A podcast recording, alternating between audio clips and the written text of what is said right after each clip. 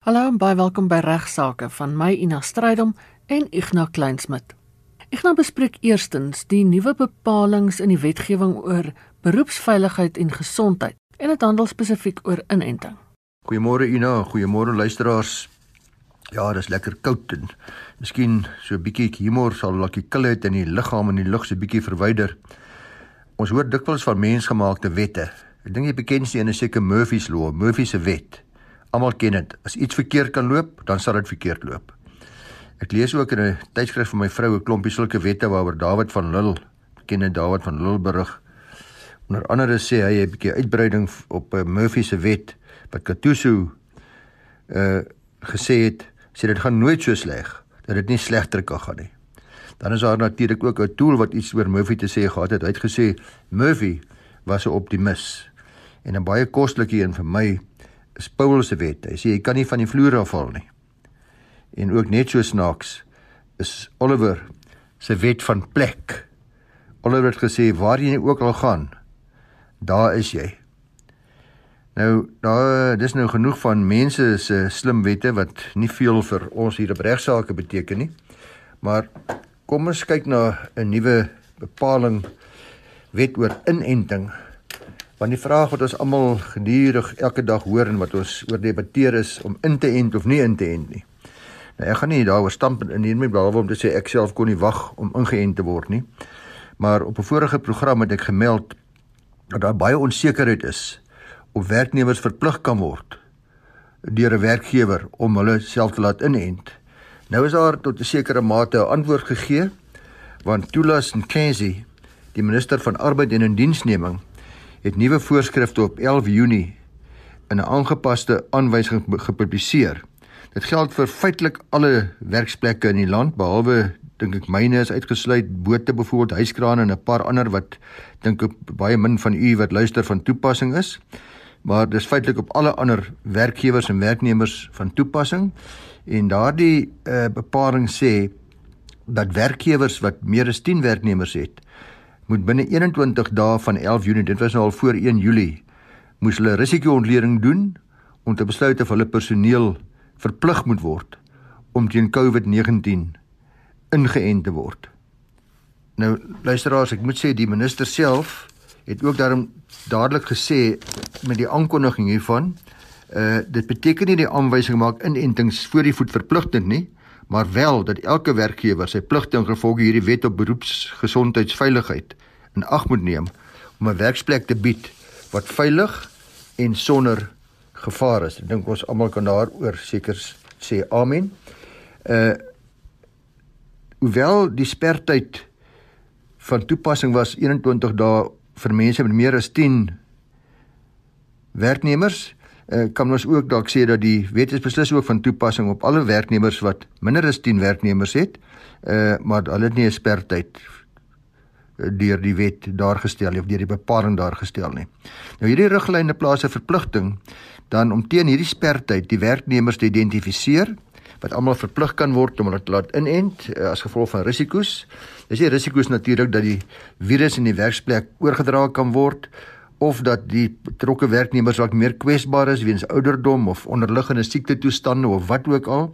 En hierdie risikoontleding moet dan 'n klomp dinge in aanmerking neem. Die werksplek spesifiek, die aard van die werk wat gedoen word, die situasie van elke personeellid moet in ag geneem word, die nabyheid van van ander mense, uh die omgewing waarin gewerk word. Uh en meneer Marden, Paul Marden, die adjunk hoofsekretaris strategie en volhoubaarheid, sien ek by solidariteit, het gesê dat uh, mense werkgewers sal baie goeie redes moet aanvoer uh hoekom hulle van hierdie uh riglyne moet afwyk. En werkgewers wat uh voor die voet mense wil verplig sê hy om te om te laat inent sal hulle rieme dalk styf loop want dit is nie die gedagte nie dis nie voor die voet nie dan moet 'n behoorlike risiko ontleding gedoen word. Uh dan uh, Willem Leroux daar van ENS die groot firma en sê een van die groot firmas in Suid-Afrika sê ook dat werkgewers moet eers die gevaar identifiseer kyk hoe waarskynlik dit is dat dit gaan realiseer en dan maatreëls instel om dit te vermy en te beheer of die impak daarvan te verminder. Dit is moeilik om te sê wat hierdie is. Dis nog nie deur ons howe getoets nie. Uh vat net maar 'n prokureurskantoor waar daar uh sê dit maar soos hier by ons by van Vel en Duffy, jy met 80 mense werk, sit naby mekaar uh in 'n kantoor opset beweeg by mekaar verby uh beweeg na met kliënte praat met kliënte ensovoorts ensovoorts en ag daar's talle sulke voorbeelde van tipe besighede waar daar gedurig kontak is met ander mense en die vraag is nou of daardie werkgewers dan ook verplig gaan wees om uh riglyne daar te stel wat hulle personeel verplig om te laat inent nou personeel sal inenting net met goeie redes kan weier. Dis baie duidelik. Is ook so gesê deur Webber en Wenzel 'n ander groot firma Suid-Afrika. Uh dit sal dinge wees soos mediese redes of geloofsredes, jou reg op liggaamlike integriteit uh en natuurlik is daar baie mense wat skees vir inenting, soms is dit wantroue teen die regering, dis ook baie ander dinge wat uh wat vir hulle bekommerd maak. Maar daardie soort van wantroue teen die regering of wantroue vir die enstof en, en bang maak stories wat hulle gehoor het, sal nie aanvaar word as geldige redes om te weier nie. Uh dit was ook die standpunt van Paul Marden. Hy sê daar's min mense wat werklik geldige mediese redes sal kan aanvoer. Uh as mens selfs 'n allergie het, sal die risiko steeds opgeweeg moet word teen die COVID-19 risiko in die besondere werksplek waar u werk. Uh en natuurlik die werknemer sal die bewyslas moet dra om mediese getuienis aan te bied indien hy werklik geldige mediese redes het. En uh as daar wel sulke redes is, dan moet die werkgewer hom steeds probeer tegemoetkom deur hom byvoorbeeld van die huis af te laat werk of hy moet die risiko beperk deur byvoorbeeld beskermende klere of wat ook nogal ander stappe gedoen kan word. Nou uh solidariteit se woordvoerder sê die oplossing vir werkgewers lê daarin om mense te motiveer en te oortuig dat inenting die beste stap is om COVID-19 die hoof te bied. Uh gedwonge inentings is 'n baie moeilike terrein. Uh, dit is uh, in die arbeidsreg, sal daar eers sekerheid moet wees. Ons moet kyk wat ons uh, howe gaan hieroor sê. Uh daar is grondwetlike regte van individue en ek dink dis nog lank nie die laaste sê uh, oor hierdie saak nie en ek uh, die minister gedink het hierdie bepalinge gaan uh so maklik wees om af te dwing in die werksplek dan dink ek moet jy maar weer dink. Ek dink daar gaan nog baie baie baie water in die see loop. Weber wens hulle sê dan ook dat uh, die werkgewer moet die werkers behoorlik inlig oor die voordele en risiko's en uh, hulle ook behulpsaam wees om vir inenting te registreer. Vervolgens beantwoord Ignas 'n vraag oor die telefoniese hernuwing van 'n selfoonkontrak. Krye skrywe vir van Johan Dippenaar wat sê sy skoonouers is beide 76 jaar oud en uh, hulle is so mense sê tegnologies gestrem. Ek dink baie van ons kan daarmee assosieer. Hulle het selfoonkontrakte uitgeneem en die skoonma het uitgeloop en sy het verkies sy wou nie hernie nie. Sy wou toe maar eerder betaal soos mens gaan, pay as you go. En toe kom hulle op 'n dag agter dat skoonma se selfoonrekening skielik gelaai is met sommer so R600. Groot skok. Hulle is pensionaarsse. Uh loop nie die pensioeninkomste is maar karig soos soos almal weet. Hulle besoek toe een van hierdie uh groep se winkels waar hulle met skok verneem dat uh die dame het 'n kontrak, die 76-jarige skoonma vir 24 maande hernie. Sy sê ai kon, dit is nie so nie. Sy uh daar word toe vir haar gesê maar sy onthou vergeet net van die telefoongesprek en die oproep is opgeneem. Nou sy onthou toe vaagweg dat daar so bemarkingsoproep was van hierdie telefoonbemarkingsgroep Maar nou is daar die probleem. Skoonma is bejaard, sy kan omtrent nie Engels praat nie. Gehoor is nie wat dit moet wees nie. Uh sy is nie altyd gesond nie. Sieklik. Nou die vraag wat Johan vra, is dit regverdig of eties om nie net bejaardes nie, maar ook ander mense telefonies om te praat of in te praat of te oortuig om 'n kontrak aan te gaan om te verleng? En dan vra hy, is so 'n kontrak bindend kan dit afgedwing word en uh, hy sê hy ervaar gereeld hoe uh, deur mekaar ouer mense kan wees en ek dink ons almal ervaar dit. Uh en uh mense kan hulle maklik, hulle is maklik beïnvloedbaar, hulle is soms naïef en goedgelowig. Nou Johan en luisteraars, ek het op hierdie program al volledig gehandel met die geldigheid van mondelingse ooreenkomste wat insluit terme en voorwaardes wat telefonies bespreek en ooreengekom is. Net soos enige ander kontrak, dis nou die waar skrif nie 'n vereiste van is nie, is dit sulke kontrakte geldig. Behalwe as daar natuurlik een van die essensiale van 'n kontrak nie teenwoordig is nie, soos byvoorbeeld een ding wat daar moet wees is wilsooreenstemming. Ons almal moet verstaan waar wat ons doen wanneer ons 'n mondingsooreenkoms aangaan en ons moet ons moet daar toe ooreenstem. Uh in Johannes se skoonmoeder se geval is dit 'n feitevraag of daar wilsooreenstemming was.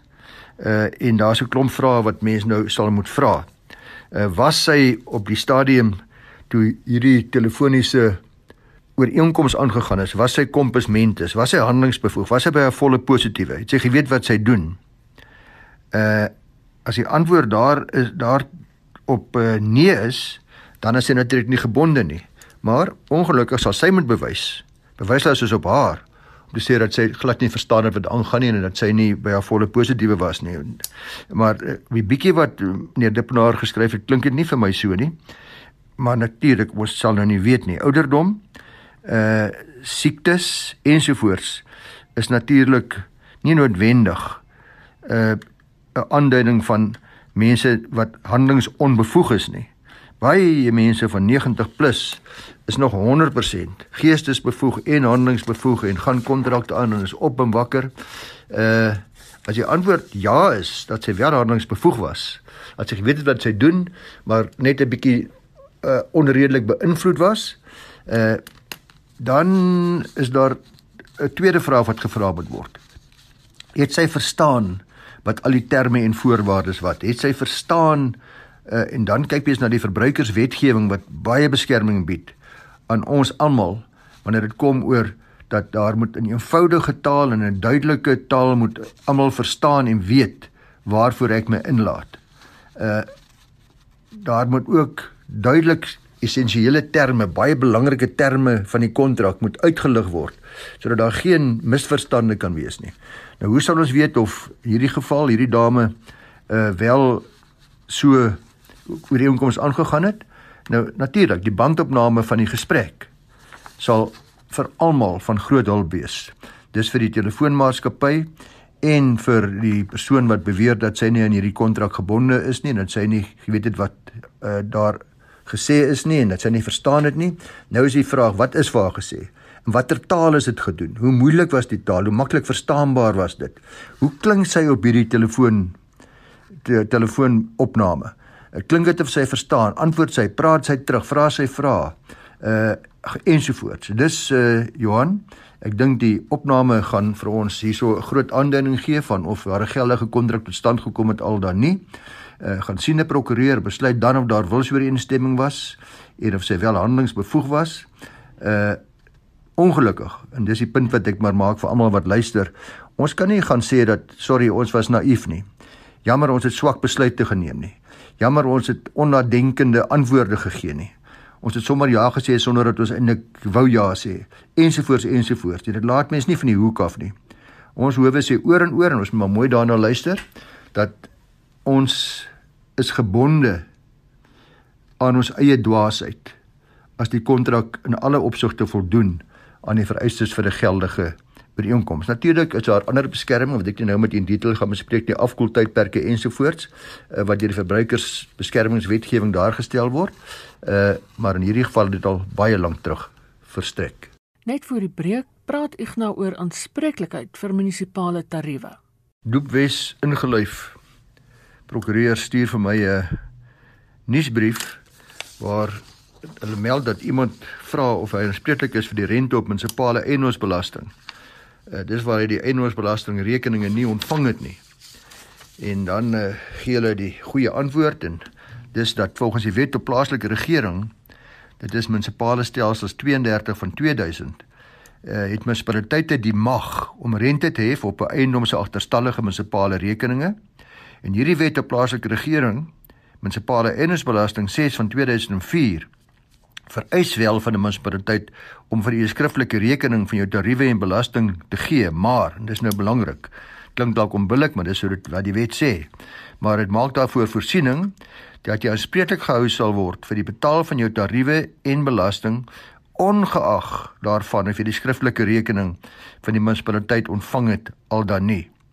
dit word dus aanvaar dat dit algemeen is om te verwag dat jou munisipale tariewe en belasting betaalbaar sal wees. Jy weet mos jy kry die dienste elke maand. Jy wil die rekening ontvang het of nie, dan moet jy verwag dat daar gelde betaalbaar sal wees. En daarom sê hierdie wetgewing in 'n neete dop kan die feit dat jy nie die rekening inderdaad fisies ontvang het nie, nie gebruik word om aanspreeklikheid te vermy nie. Met ander woorde, indien jy nou nie jou rekening ontvang het nie, dan moet jy maar self gaan uitvind wat skuld jy. Besoek die munisipaliteit, doen die navraag. Jou navraag kan op skrif ook wees. Jy kan dit dan of vir die relevante munisipale departement e-pos of selfs 'n uh, persoonlike opwagting maak met jou versoek. Maar dit bly jou verantwoordelikheid om alles te doen om uh, die inligting van die munisipaliteit te bekom. Uh en as mens nou baie ver agterstallig raak met jou rekening omdat jy nou vir 6 maande of 'n jaar geen rekening ontvang nie, dan natuurlik moet jy nie verbaas wees as jy 'n baie groot rekening gaan ontvang wanneer die stadsraad dan eendag wakker skrik en uh jou rekening vir jou lewer nie. So uh sou jy egter die rente, die rekening self of die rente daarop gehef die die koers wil betwis, dan natuurlik moet jy maar 'n prokureur gaan sien uh sodat hy namens julle die beswaar kan indien om te help verseker dat jou rekening minstens korrek is. Daardie reg het jy. Dankie aan Doop West ingelyf. Wat is 'n werkgewer se verpligting wat betref die nakoming van COVID-19 maatreëls? En wat is die werknemer se verantwoordelikheid? Ek nou bespreek 'n saak wat hieroor gehandel het. Jy nou ek het nou nou skoon vergeet. Ek weet almal is al keelvol vir COVID, maar word hom net een hofsaak vinnig ook net vir ons luisteraars van vertel. Dit is Die vraag is jy's positief getoets. Ja, jy het COVID. Uh jy het nie meer verlof nie. Uh jy het finansiëel nie baie breed nie. Uh jy sê vir niemand nie, jy gaan maar werk toe want jy het jou salaris nodig. Nou die arbeidshof het in 'n onlangse uitspraak hierna gekyk en 'n beroep ook gedoen op werkgewers om seker te maak dat hulle werknemers voldoen aan regulasies wat daarop gemik is om die verspreiding van hierdie virus te bekamp. Uh wat hier gebeur het is die saak het gegaan oor Steenman Mogotsi, 'n voormalige assistent slaghuisbestuurder daarvan die koue vleisprodusent Escort. Hy was 'n senior man gewees. Hy was ook lid van die COVID-19 personeelkomitee. Hy was dit dus bewus van al die protokolle wat gevolg moes word. Hy het geweet daar moet isolasie plaasvind as 'n mens positief getoets is. Uh as hy kontak gehad het met iemand wat die siekte onderlede het, kon dit gevaarlik wees. Dit het al die goed geweet. Uh sy kollega saam met wie hy elke dag werk toe gery het, het op 1 Julie 2 op 1 Julie verlede jaar begin siek word. Hy het egter eers op 20 Julie positief getoets. Nou my God sê toe ook begin simptome toe. Hy het elke dag saam met hom gery werk toe in dieselfde motor. Hy het begin hoes, hy's gevra om tuis te bly, maar hy het aangehou werk toe kom. Hy het eers op 5 Augustus 'n toets laat doen, lank nadat hy begin siek voel het. En dit 9 Augustus gehoor, hy's positief. Weereens, vir niemand gesê nie aangehou werk terwyl hy by uitslag gewag het. Ook op 10 Augustus, nadat hy die uitslag gekry het, het hy weer gaan werk. Daar was onder andere video materiaal in hierdie hofsaak gewys wat gewys het hoe Mogotsi op daai dag, daai nou reeds positief getoets was vir 'n kollega drukkie gegee het en wat nog erger is, dat dit iemand was wat onder andere gelei het aan hartchirurgie, die komplikasies na hartchirurgie. Dis iemand wat kwesbaar was. En hy het ook natuurlik uh die ander belangrike reël om 'n masker te dra nie nagekom nie en daar sonder 'n masker in die werksplek rondgeloop en dit nou alles ontdek is. Is daar verskeie mense toe nou huis toe gestuur. Hulle moes gaan isoleer het want hy het hulle hy was in kontak met hulle. En ek weet nie of hy ooit iemand aangesteek het nie. Die hof sê dit nou nie. Maar hy is toe dissiplinêr aangekla is 'n grove nalatige grove nalatigheid skuldig bevind en hy's afgedank.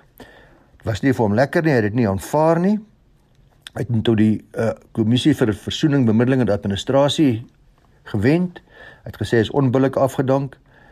Die het daarop gewys dat Escort se dissiplinêre kode finale geskrewe waarskuwing vereis vir 'n bevinding van grove nalatigheid wat nie hier gedoen is nie.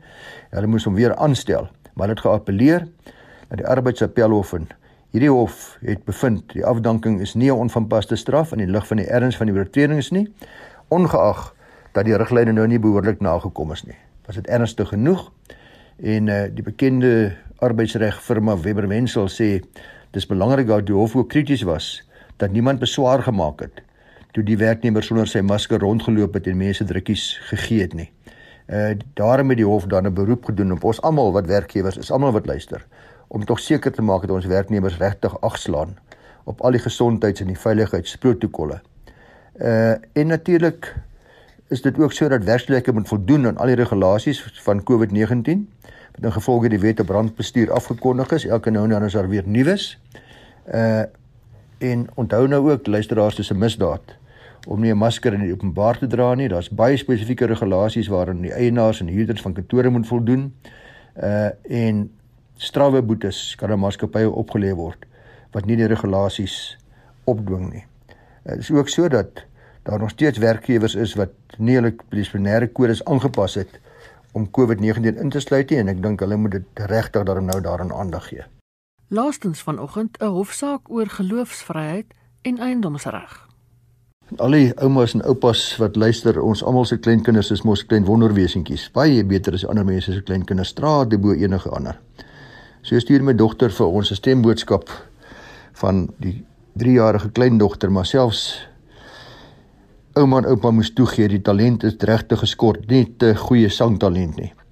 Uh maar my dogter sê toe daarna daarom in 'n in die boodskapie dat as niks enig vir klein Emma werk nie, kan sy dalk die persoon wees wat in die oggende en die aande van die moskee se dak af dreun sang om die lidmate tot gebed te roep. Dit bring my by die saak van Chandri Giri, die Lauri versus Madras uh, Islamic Institute uh, en die Etiquette munisipaliteit dit is saak 3848 van 2019 daar in KwaZulu-Natal wat onlangs eers uitspraak gegee is. Nou die vraag wat hier gevra is, kan 'n huiseienaar suksesvol dagvaar om moslem oproepe tot gebed stil te maak? Nou almal van ons het dalk al 'n raserige buurman ervaar wat uh, wat uh, vir jou bietjie moedeloos maak en wat jou uh, laat wonder of die lawaai verdraag verdra moet word of dit deel is van goeie buurereg. En in die saak uh, wat ek vandag bespreek het die buurman dit verder gevoer as net 'n oproep aan die buurman of net 'n brief en want die saak handel ook oor vryheid van godsdiens artikel 15 en eiendomsreg wat in die grondwet uh, gewaarborg word. Nou hierdie saak is aan die Hooggeregshof van Durban en daar's 'n vraag vir interdik om die eerste respondent hierdie Madrasa Talimudin Islamitiese Instituut te verhoed om hierdie oproepe wat uh, strek tot buite die grense van die instituut te staak. Uh die aansoeker wou ook gehad het dat die instituut uh, geskuif moet word. Hulle was daar by die Isipingo strand.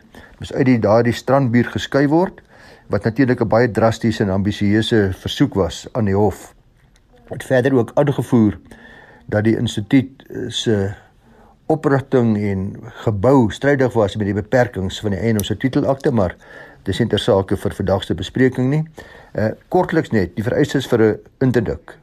Eerstens, daar moet 'n duidelike reg wees, daar moet 'n inbreukmaking wees op daai reg, vergrondige vrees dat daar wel inbreuk gemaak word en geen ander bevredigende remedie moet bestaan nie.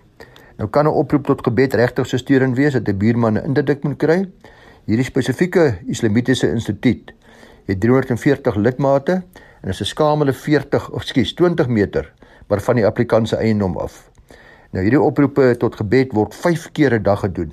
Met die eerste oproep luisteraars om 3:30 in die oggend, 04:30 in die oggend. Die applikant het aangevoer dat die geluid sy private ruimte betree, sy rus en vrede onderbreek, natuurlik met sy slaappatrone inmeng ensovoorts en het ook gesê dat hierdie klank die buurt 'n moslem atmosfeer gee en dat die moslem gemeenskap uh in hierdie area se gevolg daarvan met 30% toegeneem het. Hy het ook gepoog om te bewys dat die islamitiese geloof 'n ongeldige geloof is en 'n klomp ander dinge kwyt geraak wat die hof tereg gesê het eintlik net uh daarop gedui het dat hy hindoe is en openlik gekant was teen hierdie islamitiese geloof dat hy volgens sy weergawe handel in die publiekse belang maar dat die moslems natuurlik nie daarmee sal saamstem nie. Die regter voel klaarblyklik ook dat eh uh, dat dit hom meer onverdraagsaam gemaak het as wat die normale redelike mens sou wees as gevolg van sy afkeer van eh uh, die moslems. Die Suid-Afrikaanse Menseregte Kommissie luisteraars het voorgestel tydens die mediasie tussen die partye dat die klankversterkingsstelsel net nie gebruik mag word gedurende die eerste oproep dis nou al 4 in die oggend nie dan die res van die klank net verminder moet word tot 'n vlak wat beide partye pas. Maar dit het nie gewerk nie hierdie skikkingsmediasie poging was onsuksesvol. Uh natuurlik sou dit 'n baie goedkoper oplossing gewees het maar die applikant was genoodsaak om die hofproses te gebruik uiteindelik en regter Ngadi uh het die volgende beslis. Hy sê die applikant het nie die bevoegdheid om 'n aansoek te bring uh vir die verskywing nie Hy het nie louke stand nie. Hy het nie die nodige hy kan dit nie namens wie doen dit? Die hof is nie in die posisie om te besluit of die islamitiese geloof 'n valse geloof is. Dit het met die saak te doen nie. Dis nie ter sake nie. Die hof het verder aangevoer dat die applikant reg het om sy eiendom te geniet sonder inmenging van hierdie instituut se oproepe tot gebed. Maar die hof die applikant het ook 'n beoorweging van waarskynlikhede die inbreuk maak hom op sy reg tot genieting van sy eiendom bewys sê die hof. Uh daar's nooit geargumenteer deur uh, die respondent dat dit noodsaaklik is vir die uitvoering van hulle geloof om op hierdie wyse die uh, oproepe tot gebed te doen nie. Uh en die hof beslis dan dat die instituut kan voortgaan met hierdie oproepe vir gebed, maar dit nie hoorbaar mag wees in die applikant se omgewing waar hy woon nie. Uh daar's geen kostebevel gemaak nie. Elkeen moet sy eie kostes betaal en die hof het dus beslis dat die instituut se oproep tot gebed net nie hoorbaar mag wees nie. Nou dis baie moeilik om te sê hoe dit in praktyk uitgevoer gaan word, maar is wel duidelik dat almal se grondwetlike regte ewe belangrik geag moet word. En een reg nie voorkeur bo ander mag geniet tensy die beperking redelik en regverdigbaar is in 'n open demokratiese samelewing. Dis wat ons sien in artikel 36 van die grondwet. Die uh, respondente instituut het aansoek gedoen om verlof tot appel Hulle sê dat hulle voel die regter het meer gewig aan die applikant se reg tot genieting van sy eiendom gegee as aan hulle reg tot vryheid van godsdienst, maar dis van die hand gewys deur uh, regter Ngadi in Maart 2021. Ons tyd is ongelukkig op en volgende week en as ek ook na soortgelyke feite stel kyk, uh waar dit gegaan het oor 'n interdik om 'n uh, die buurman te verhoed om sy musiek so hard te speel dat dit strek tot buite die grense van die gimnasium waarin die musiek gespeel is. Tot volgende week dan, groete. En ook van my kant af, groete tot volgende week.